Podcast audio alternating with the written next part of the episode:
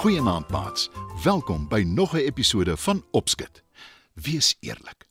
Party van julle is soms ongehoorsaam en dan kom julle in die moeilikheid, nie waar nie? In vanaand se storie vertel ek julle wat met 'n ongehoorsame seun gebeur. Lekker luister. Lank gelede was daar 'n arm weduwee en haar seun Jan wat in 'n klein huisie gebly het. Hulle was baie arm.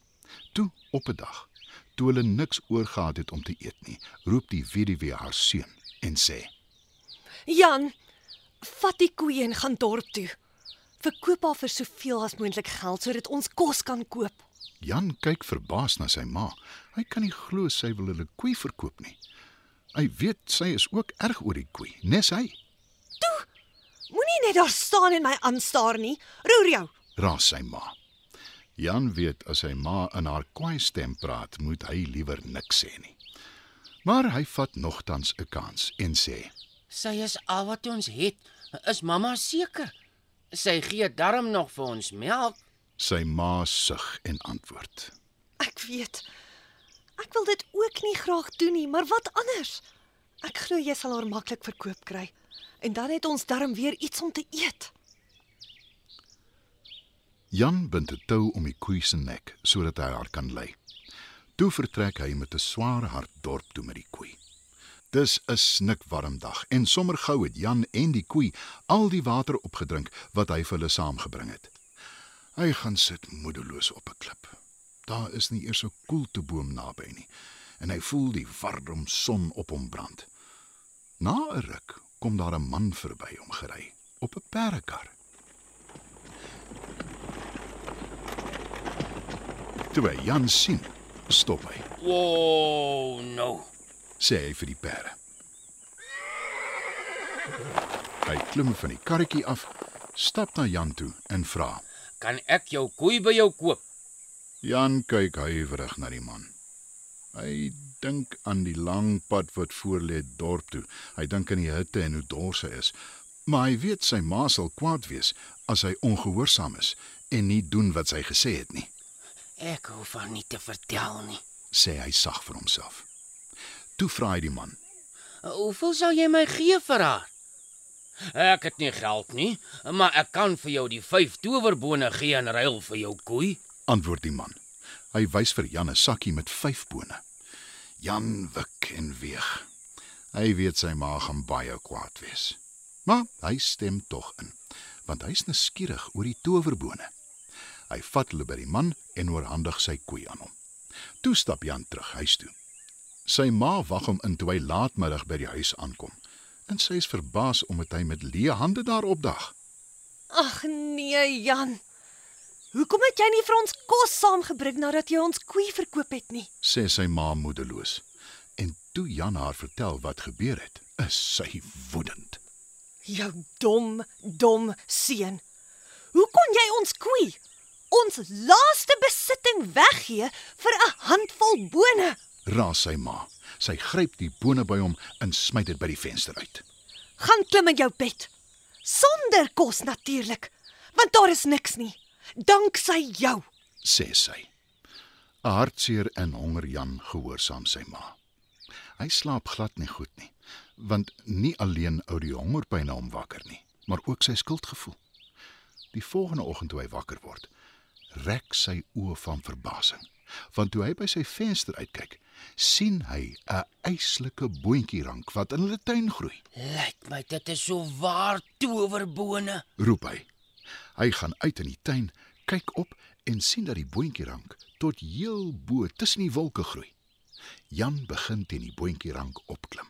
Toe hy heel bo is, sien hy tot sy verbasing 'n eislike kasteel in die lug. Hy stap versigtig nader en gaan die kasteel binne. Daar sien hy 'n vrou in die kompuis wat besig is om kos te maak. Sy maag grom van die honger en hy vra vir die vrou. Daar is nie dalk iets vir my om te eet nie. Die vrou kry hom dadelik jammer en gee hom brood en melk om te eet. Hy's nog besig om te eet toe hoor hy swaar voetstappe. Haar man, 'n eislike reus, is tuis.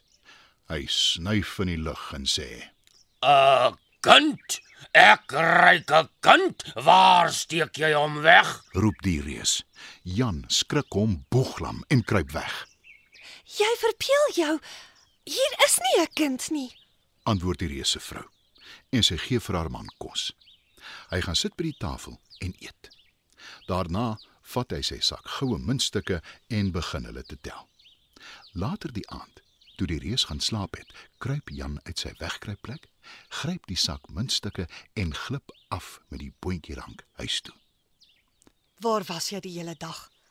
En wat maak die boontjie rank in ons tuin?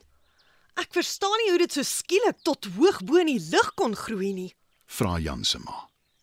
Hy verduidelik vir haar wat gebeur het. Toe hy vir haar die goue muntstukke wys, is sy baie bly. Hulle het nou genoeg geld vir kos en vir 'n hele ruk gaan dit goed. Maar toe raak die geld op en Jan klim weer met die boontjierank op na die reuse kasteel toe. Die reuse vrou is weer bly om hom te sien en gee weer vir hom melk en brood om te eet. En na ruk kom die reus weer by die huis, snuif in die lug en sê: 'n Kind, ek ryk 'n kind en ek wil hom eet. Weer kruip Jan weg. En weer keer die reuse vrou en sê: Daar is nie 'n kind nie. Jy verbeel jou. Sy gee vir die reus sy kos en nadat hy geëet het, gaan haal hy sy towerhen en sê: Lê vir my 'n goue eier. "En dis presies wat die hen doen." Die reus gaan weer slaap en weer kruip Jan uit sy wegkruipplek, gryp die hen en glip af met die boontjierank terug huis toe. Hy gee die hen vir sy ma en sê: Die hen lê goue eiers. Sy ma is eers skepties, maar toe die hen inderdaad 'n goue eier lê, klap sy haar hande en roep: Dis wonderlik. Nou sal ons nooit weer honger ly nie. Die hen kan vir ons bly goue eiers lê. Dit gaan nou baie goed met Jan en sy ma. Maar op 'n dag besluit hy om weer na die reuse kasteel toe te gaan. Presies dieselfde gebeur. Die reuse vrou gee vir hom kos, hy kruip weg tot die reus tuiskom en uitroep dat hy 'n kind ryk en sy vrou keer en sê dat dit nie waar is nie. Nadat die reus geëet het, haal hy sy towerharp uit wat die pragtigste musiek speel. Die reus raak sommer by die tafel aan die slaap, gesus deur die mooi musiek. Jan kruip uit sy wegkruipplek en gryp die harp. En hy wil daarmee wegglip, maar die harp roep: Help, meester, help! Die seun wil my steel. Die reus skrik wakker en hy is woedend. Jan hardloop vinnig en begin by die boontjierank afklim. Die reus volg hom en dreig. Vandag is jou laaste dag op aarde, jou nare klein dief. Jan weet hy staan nie 'n kans teen die reus nie en hy roep hard na sy ma om hom te help. Toe sy sien wat aangaan, gryp sy 'n byl en kap die boontjierank af. Jan is klein en rats en hy beland op sy voete.